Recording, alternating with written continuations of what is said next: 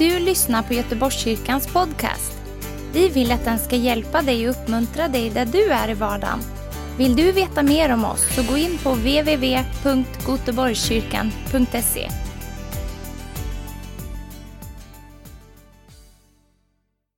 Frank Isaksson heter jag och bor med min familj här i Göteborg, eller Gunnilse, strax utanför staden. Och eh, vi är med i den här församlingen sedan starten. 2004 tror jag det var. Det är snart 20 år sedan vi startade. Och, eh, så det är väl härligt att vi har en församling att gå till, att vi får samlas tillsammans som familj på detta sättet. Det tycker jag är helt underbart. Jag kommer tala lite grann, jag har satt ett eh, ämne idag, eller en titel och det är tro ändå. Och det kanske någon annan undrar, vad är, handlar detta om nu? Ska vi tro ändå? Och eh, jag tänker så här att tron, det vet ni, det vet i, i grund och botten så är det en relation, det har vi lärt oss. Pistis på grekiska betyder ju övertygelse, en visshet på insidan om att Gud finns. Att det är en relation, att den dagen du och jag blir kristna så går vi också i förbund med Gud. Det är ungefär som ett äktenskap, att man säger ja till varandra i nöd och i lust står man ju och säger va? till varandra när man gifter sig. Det sa jag till min fru i alla fall och vi sa det tillsammans tror jag, jag vet inte hur det gick till men vi sa ja till varandra och ja, pastorn där sa att eh, for better and for worse på engelska, eller i nöd och i lust. Eh, och så är det också med våran tro Eh, på Gud, att det i grund och botten är en relation, det är ett förbund som vi är med i. Och det är både i nöd och i lust. Och man brukar säga ibland att tron är lika med, om man nu ska definiera tron, det är relation. Men tron är också en gåva, eller hur? Det är någonting vi får av Gud. Det står det i Bibeln att eh, det är ingenting vi kan förtjäna, det är, ingenting vi, det är ingen titel, ingenting vi kan prestera fram, utan tron det är en gåva du får av Gud. Det är ett mirakel som sker den dagen vi blir frälsta. Men man kan också säga att tro är lika med test eller lika med prövning. För tron är som vi sa en relation, det är en gåva vi får. Men det är också så att eh, tron innehåller också olika test, olika prövningar, precis som alla relationer.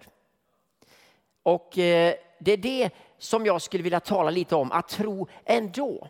Vad gör vi när det börjar att blåsa? Vi kanske blir kristna en dag och vi får den här barnatron ni vet och vi säger ja Jesus, halleluja och det är underbart. Och sen kommer livet.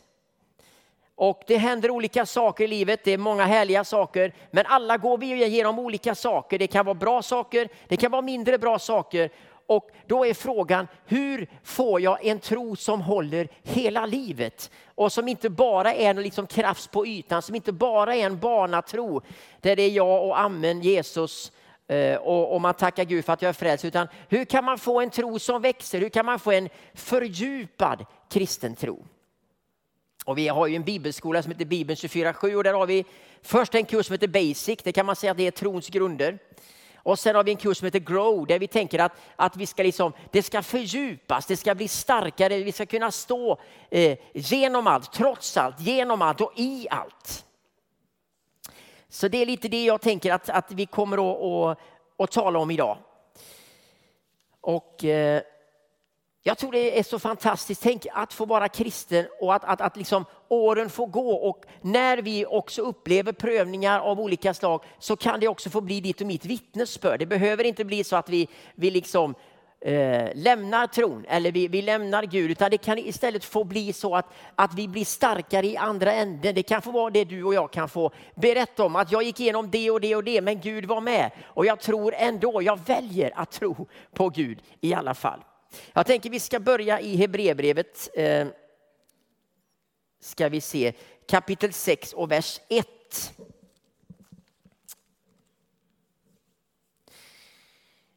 Och då står det så här. Låt oss därför lämna bakom oss de första grunderna i Kristi lära och föras mot fullkomningen. Och inte lägga grunden igen med omvändelse från döda gärningar och tro på Gud med undervisning om dop och handpåläggning, om de dödas uppståndelse och evig dom. Alltså här har vi barnatron, här har vi trons grunder och de är jätteviktiga. En gång så blev vi alla födda på nytt, eller hur? av Gud. Och då fick vi lära oss detta med eh, dop, handpåläggning. Eh, vi lärde oss om omvändelse. Det är otroligt viktigt att predika omvändelse. Att predika att, att tron, för att bli kristen så måste vi vända om och inte bara en gång utan hela livet. Så de här grunderna är otroligt viktiga. Omvändelsen, det är det predikar vi, kommer vi alltid att göra i den här kyrkan. Och det ska vi göra för att vi behöver vända om. Vi behöver tala om dopet, att undervisa människor att, att du också behöver ta det där steget att döpa dig.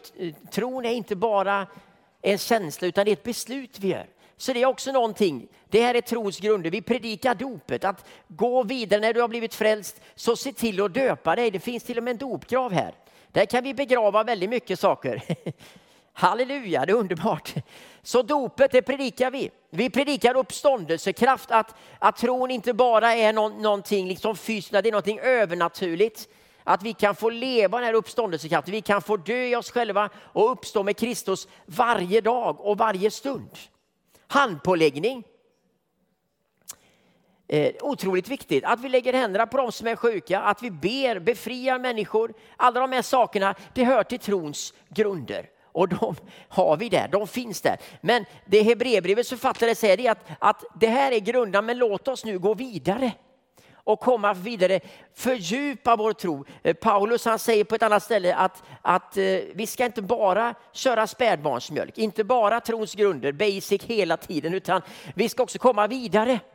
Och jag tror att tanken är att du och jag inte bara ska gå med, med den här liksom kristna nappflaskan hela livet. Förstår ni? Det är ganska onaturligt om, om ett barn har nappflaskan när de, när de upp i skolåldern. Då, då skulle jag bli väldigt nervös som förälder. Det, då tänkte man liksom nej, nu får det vara slut med nappflaskan. Ni förstår vad jag menar, utan komma vidare till den fasta födan. Och jag tror att det är så här att, att mellan det här liksom steg ett och steg två i tron, mellan basic och grow, mellan den här barnatron och den här vuxna tron eller, eller eh, den mogna tron om man nu vill säga så, så ligger det en prövning. Det ligger ett test, för tron det testas på olika sätt. Eh, och eh, så Gud och då, då ska jag säga att det, prövningarna brukar man säga de finns av två slag. Å ena sidan så är det eh, livets prövningar och det är Guds prövningar. Alltså livet prövar oss. Vi lever i en värld där eh, den onde råder. Det finns alltså den här världen i den ondes våld, står det i Bibeln. Eh, det finns en ondska, det finns en arvsynd. Så när vi föds så föds vi in i en syndig värld och vi har den förmågan att göra eh, dumma saker, att gå med våra begär. Så att livet prövar oss. Det finns sjukdomar, det finns elände, det händer jobbiga saker och vi förstår inte alltid var de kommer ifrån. Men livet prövar oss. Det är den ena stora prövningen och den kommer vi inte ifrån. Vi, vi är, det står ingenstans i Bibeln att, att vi ska liksom vara befriade ifrån livets prövningar. Det händer saker, någon blir sjuk, jag blir av med mitt arbete. Vi förstår inte allting. Någon kanske dör och om, man undrar varför skulle han dö eller varför skulle detta hända? Och de här frågorna, varför-frågorna kommer. Det kallar vi för teodicé-problemet med ett fint ord. Va?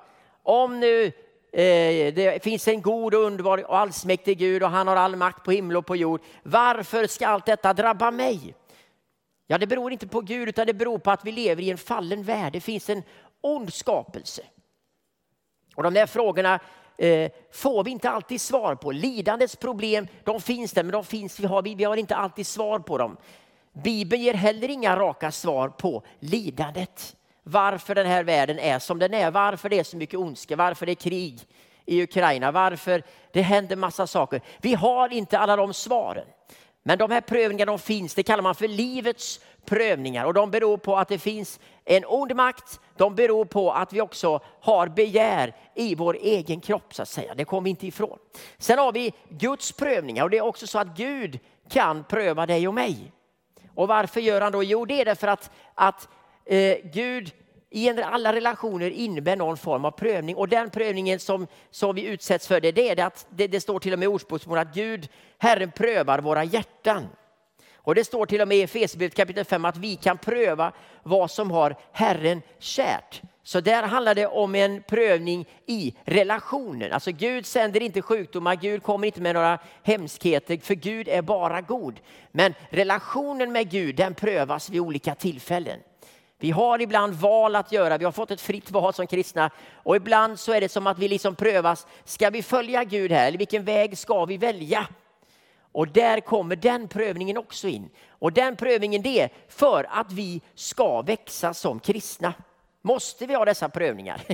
Man kan tänka vad förfärligt. Tänk om vad skönt om man bara hade den här barnatron och man sprang ut med den här nappflaskan. Men sånt är inte livet, utan du har livets prövningar, men du har också att Gud också vill pröva oss för att, att han vill att vi ska växa vidare.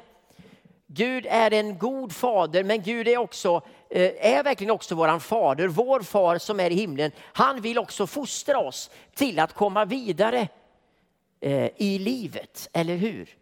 Var finns den fadern som inte eh, fostrar sin son? Och det gör även Gud. Han vill fostra oss på olika sätt och liksom få att vi ska komma vidare i vår kristna tro.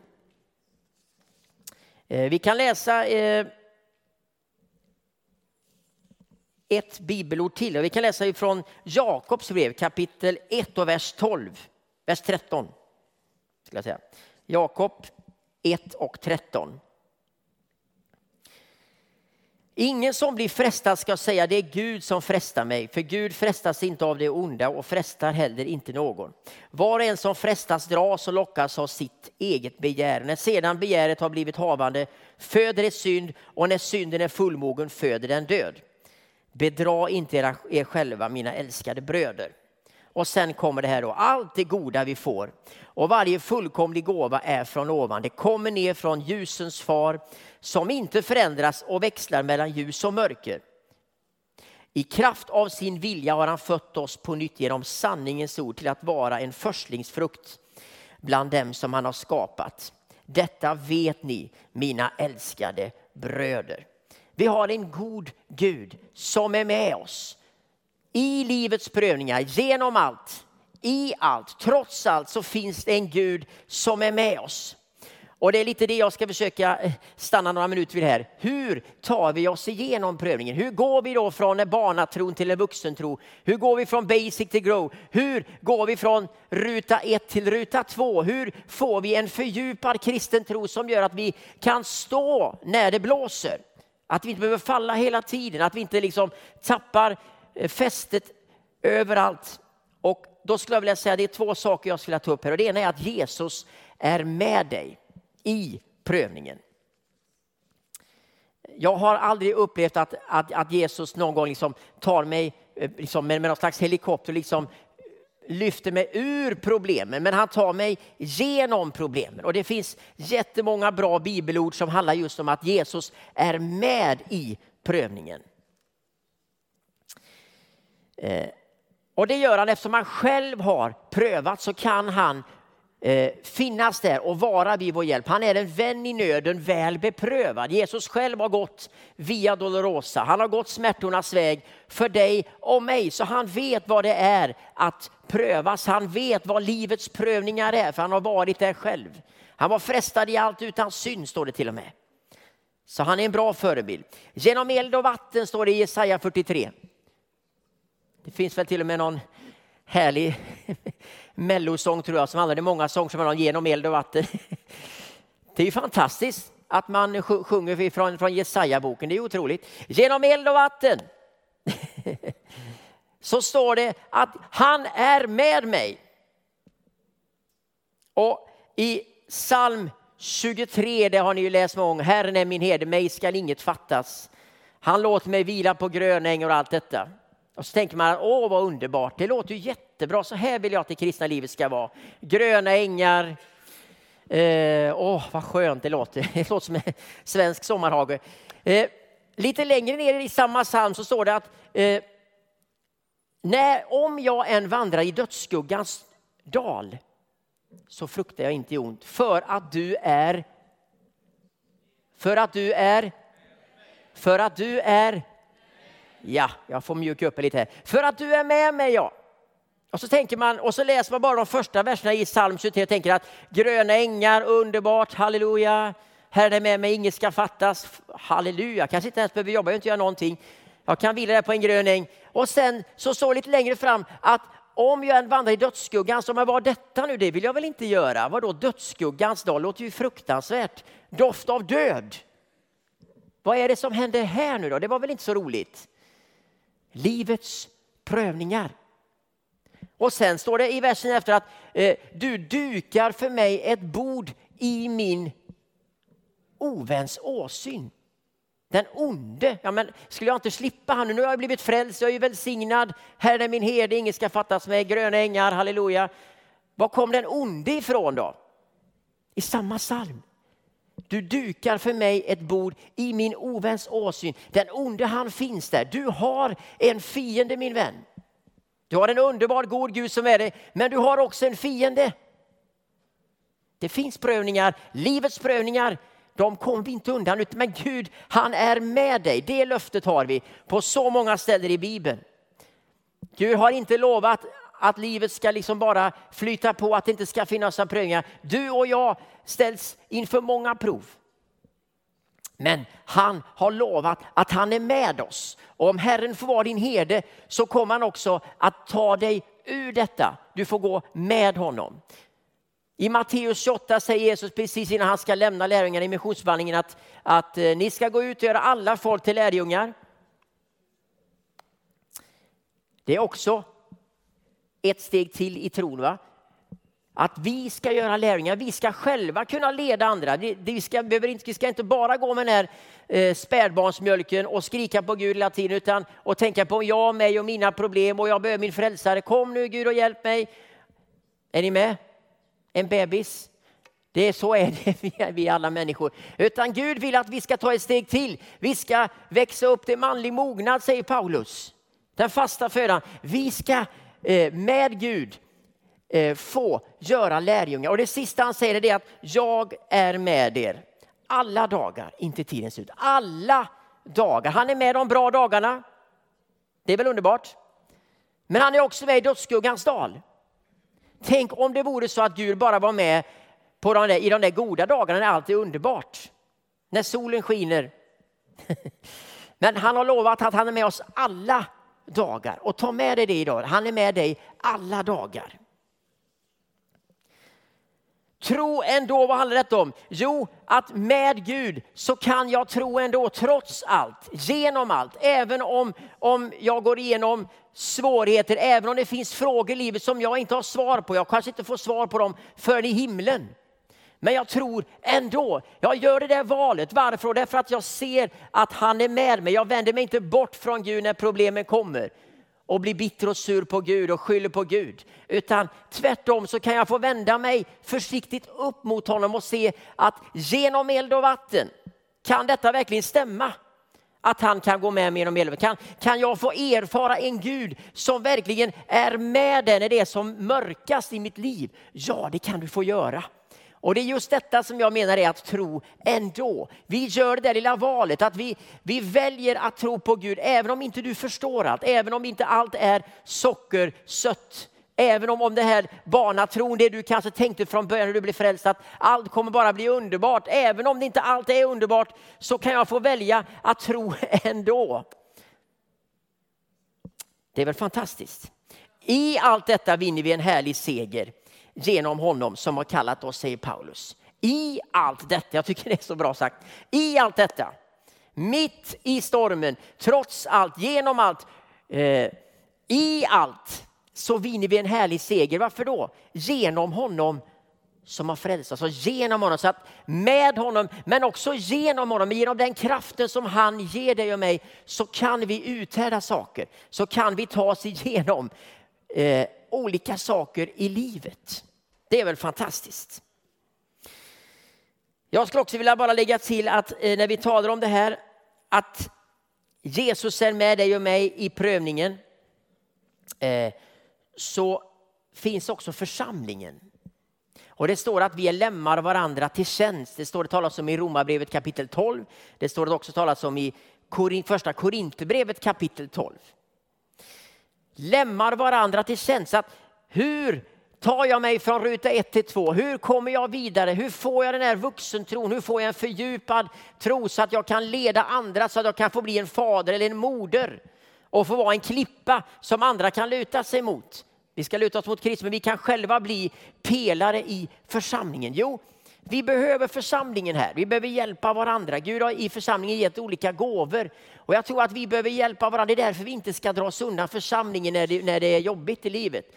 Utan församlingen är en viktig bas. Det är Kristi kropp. Vi är lämmar varandra till tjänst. Och därför skulle jag också vilja lyfta församlingen i det här. Tro ändå, hur ska det gå till? Jo, Gud är med dig. Jesus, han är med dig. Därför kan du tro ändå. Församlingen finns där, därför kan jag tro ändå. För jag blir upplyft av mina vänner. Församlingen är oerhört viktig och kommer att bara bli ännu mer viktigare. Så att jag skulle vilja lyfta den delen också. Bär varandras bördor så uppfyller ni Kristi lag, står det till och med i Bibeln. Abraham då, han är ju, eh, brukar vi kalla för trons fader. Han gick igenom väldigt mycket olika saker i sitt liv. Och vi kan läsa om detta i Romarbrevet kapitel 4 och vers 18. Om Abraham. Och då står det så här att där hoppet var ute hoppades han ändå och där hoppet var ute hoppades han ändå. Där kommer ändå. Och trodde och blev så far till många folk som det var sagt. Så ska din avkomma bli. Han vacklade inte i tro när han tänkte på sin döda kropp.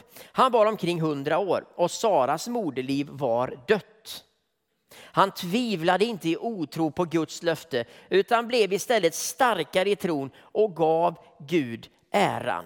Fullt övertygad om att vad Gud hade lovat var han också mäktig att hålla. Därför räknades det honom till rättfärdighet. Abraham, eh, han går och väntar på att bli far till Isak. Han hade fått det här löftet och åren går och han kämpar på och det händer massa saker i Abrahams liv. Eh, men mitt i allt detta så står det att han hoppades ändå. Trots allt. Han hoppades ändå, trots att det såg jättemörkt ut. Han var hundra år och hans hans fru, hennes moderliv var dött, så står det att han hoppades ändå och gav Gud äran för att han litade på det löftet Gud hade sagt. Här är två saker på en gång. Vi sjunger i en sång, jag vill göra mitt liv till en lovsång till dig. Där var ton skall en hyllning till dig bära. I dagar av glädje och i dagar av sorg vill jag leva var dag till din ära.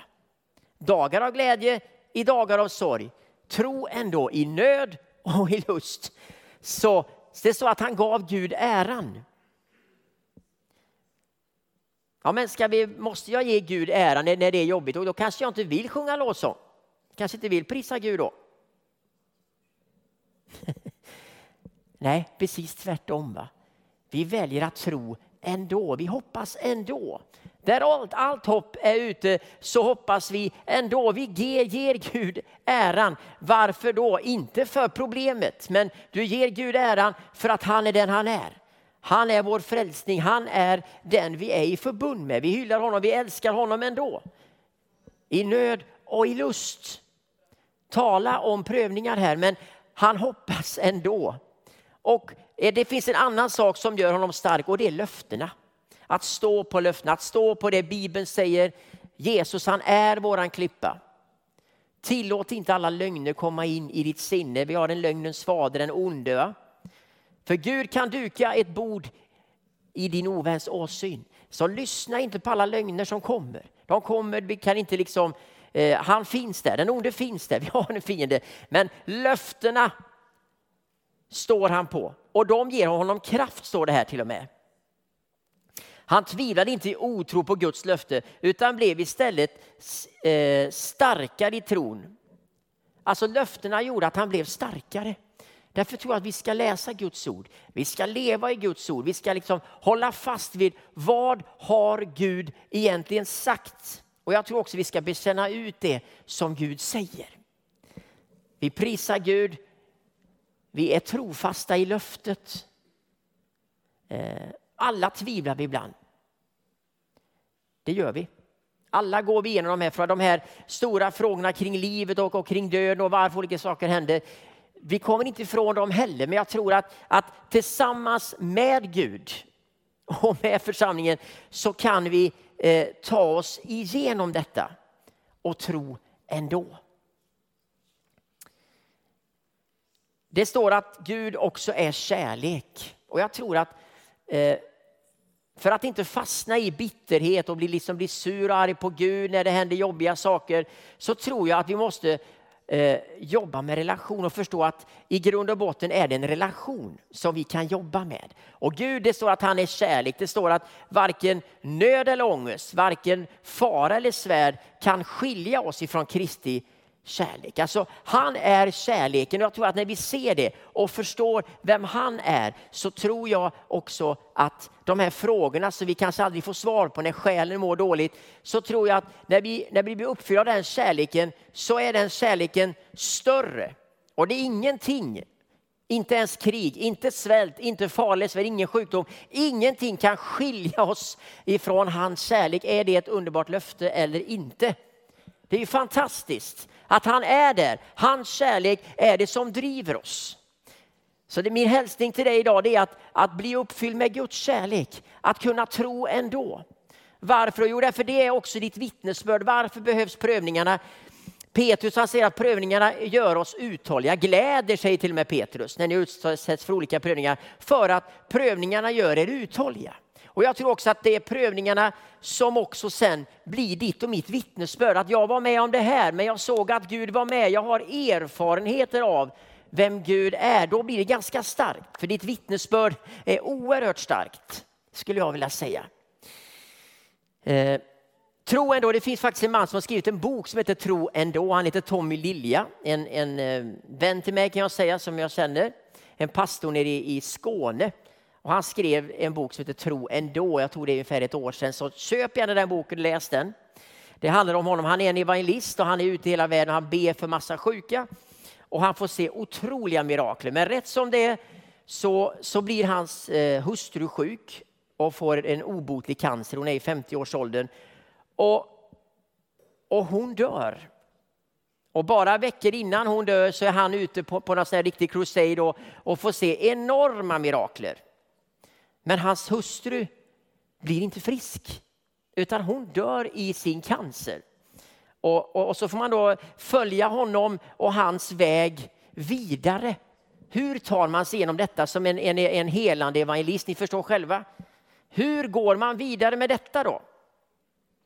Utan att bli bitter och sur och arg på Gud, för det är väldigt lätt att bli kanske. Och tänka att vad var Gud nu? Jag menar, om, om, om jag kan hela någon borta i Indien, varför, varför, varför blir inte min fru frisk då när jag lägger händerna på henne hemma i Sverige.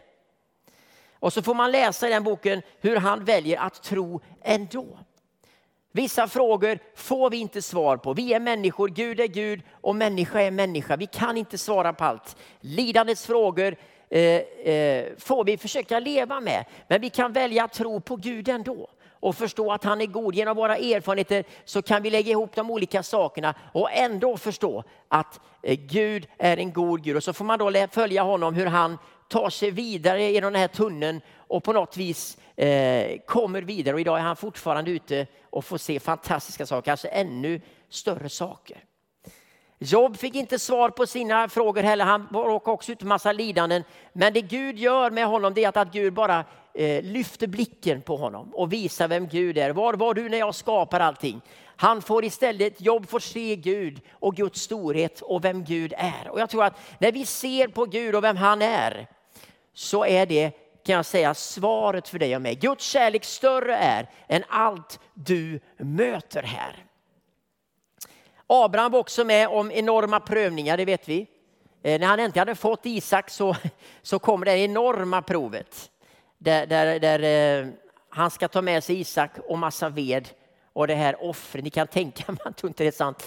Men jag tror eh, innerst inne att det där var mycket en, en, eh, en lärdom för Isak, tänker jag. För jag tror att Abraham, han förstod att Herren är han som förser, så Herren kommer att förse här Mitt i prövningen så kommer Gud vara med mig och Gud kommer förse mig med allt jag behöver. Mig, mig kommer inget att fattas. Men då står han också inför en jätteprövning när hans son som han äntligen hade fått skulle då offras. Och så förser Gud. Och då står det att efter det så blir han trons fader. Och, eh, och jag tror att de här prövningarna om det är livets prövningar, det är sjukdom, det är massa elände eller om det är prövningar från Gud där det mer handlar om vår relation till Gud, att den ska bli starkare, att vi ska växa och komma vidare. Så tror jag att de Eh, är till för att vi ska bli starkare i våran tro. Att vi ska få den här eh, mogna tron, den fasta födan. Eh, vad tror ni om detta? Så min hälsning till dig idag är att, att tro ändå. Ge Gud äran, håll kvar vid löftena. Ropa halleluja. Ropa halleluja sa jag. Ropa halleluja sa jag. Halleluja. Tänk att få göra det när man är 50 år. Inte bara när man är 20 och som ett vilt som ett lejon kanske och precis nyfrälst. Halleluja! Tänk att få ropa halleluja när man är 50 år. Det kanske är ännu starkare när man har gått igenom massa olika saker och så kan man ändå ropa halleluja. För man har inte fastnat, man har inte parkerat, man har inte tillåtit djävulen så in sina lögner i ditt och mitt liv att vi ska vara sura och bittra på Gud. För det är inte Guds fel. Gud, som vi läste, det står att bara goda gåvor kom från honom. Ibland kommer det goda gåvor från Gud. Bara goda gåvor, läste vi, kommer ifrån Gud. Så det här är min hälsning till dig och mig idag, att Gud är med dig, att kunna tro ändå, trots allt. Och jag tror att det valet ska du och jag få göra idag och det kommer befria dig, det kommer sätta dig fri. För det blir så häftigt och så starkt att när du mitt i allt, trots allt, tror ändå. Vilket vittnesbörd är inte det? Ja, men hur kan du tro på Gud när allt detta har hänt dig? Hur kan du tro på Gud när, eh, som, som, han, här, som jag läste, berättade om den här Tommy när, när frun dör? Hur kan man tro på Gud då? Tänk att vi kan få göra det och kan vi berätta om de erfarenheterna det är att fortfarande ge Gud äran att stå på löftena. Herre Jesus, vi tackar dig Gud att vi får välja idag att tro ändå, trots allt, i allt, genom allt så får vi tro på dig här. Jag prisar dig Jesus, tackar vi får läsa ditt ord. Jag tackar dig för Abraham. Det står att han trodde ändå. När allt hopp var ute så hoppades han på dig ändå Herre. Vi förstår inte allting Herre, men vi väljer att tro på dig ändå. Och jag bara tackar att det är många här inne nu som bara får bekänna ut sin tro på dig Herre. Att som får förnya sitt förbund med dig Herre. Jag tror att det är många här inne som blir befriade just nu ifrån bitterhet, ifrån eh, att man är arg på Gud. Det kan finnas saker där som har hänt som har gjort att du har vänt dig bort ifrån Gud. Men jag bara tackar dig Gud att idag så vänder vi oss till dig istället Herre och ger dig äran Herre. Och vi står på dina löften Herre för de kommer hålla ända in i evigheten. Tack att du är med oss Herre i dödsskuggans dal, Herre. Du är med oss genom eld och vatten, Herre. Tack att du har, står att du har lovat att du ska vara med oss alla dagar, de goda dagarna, de mindre goda dagarna. Vi vet att du finns och vi ger dig äran, Herre. Och idag så bekänner vi ut, jag tror ändå. I Jesu namn. Amen.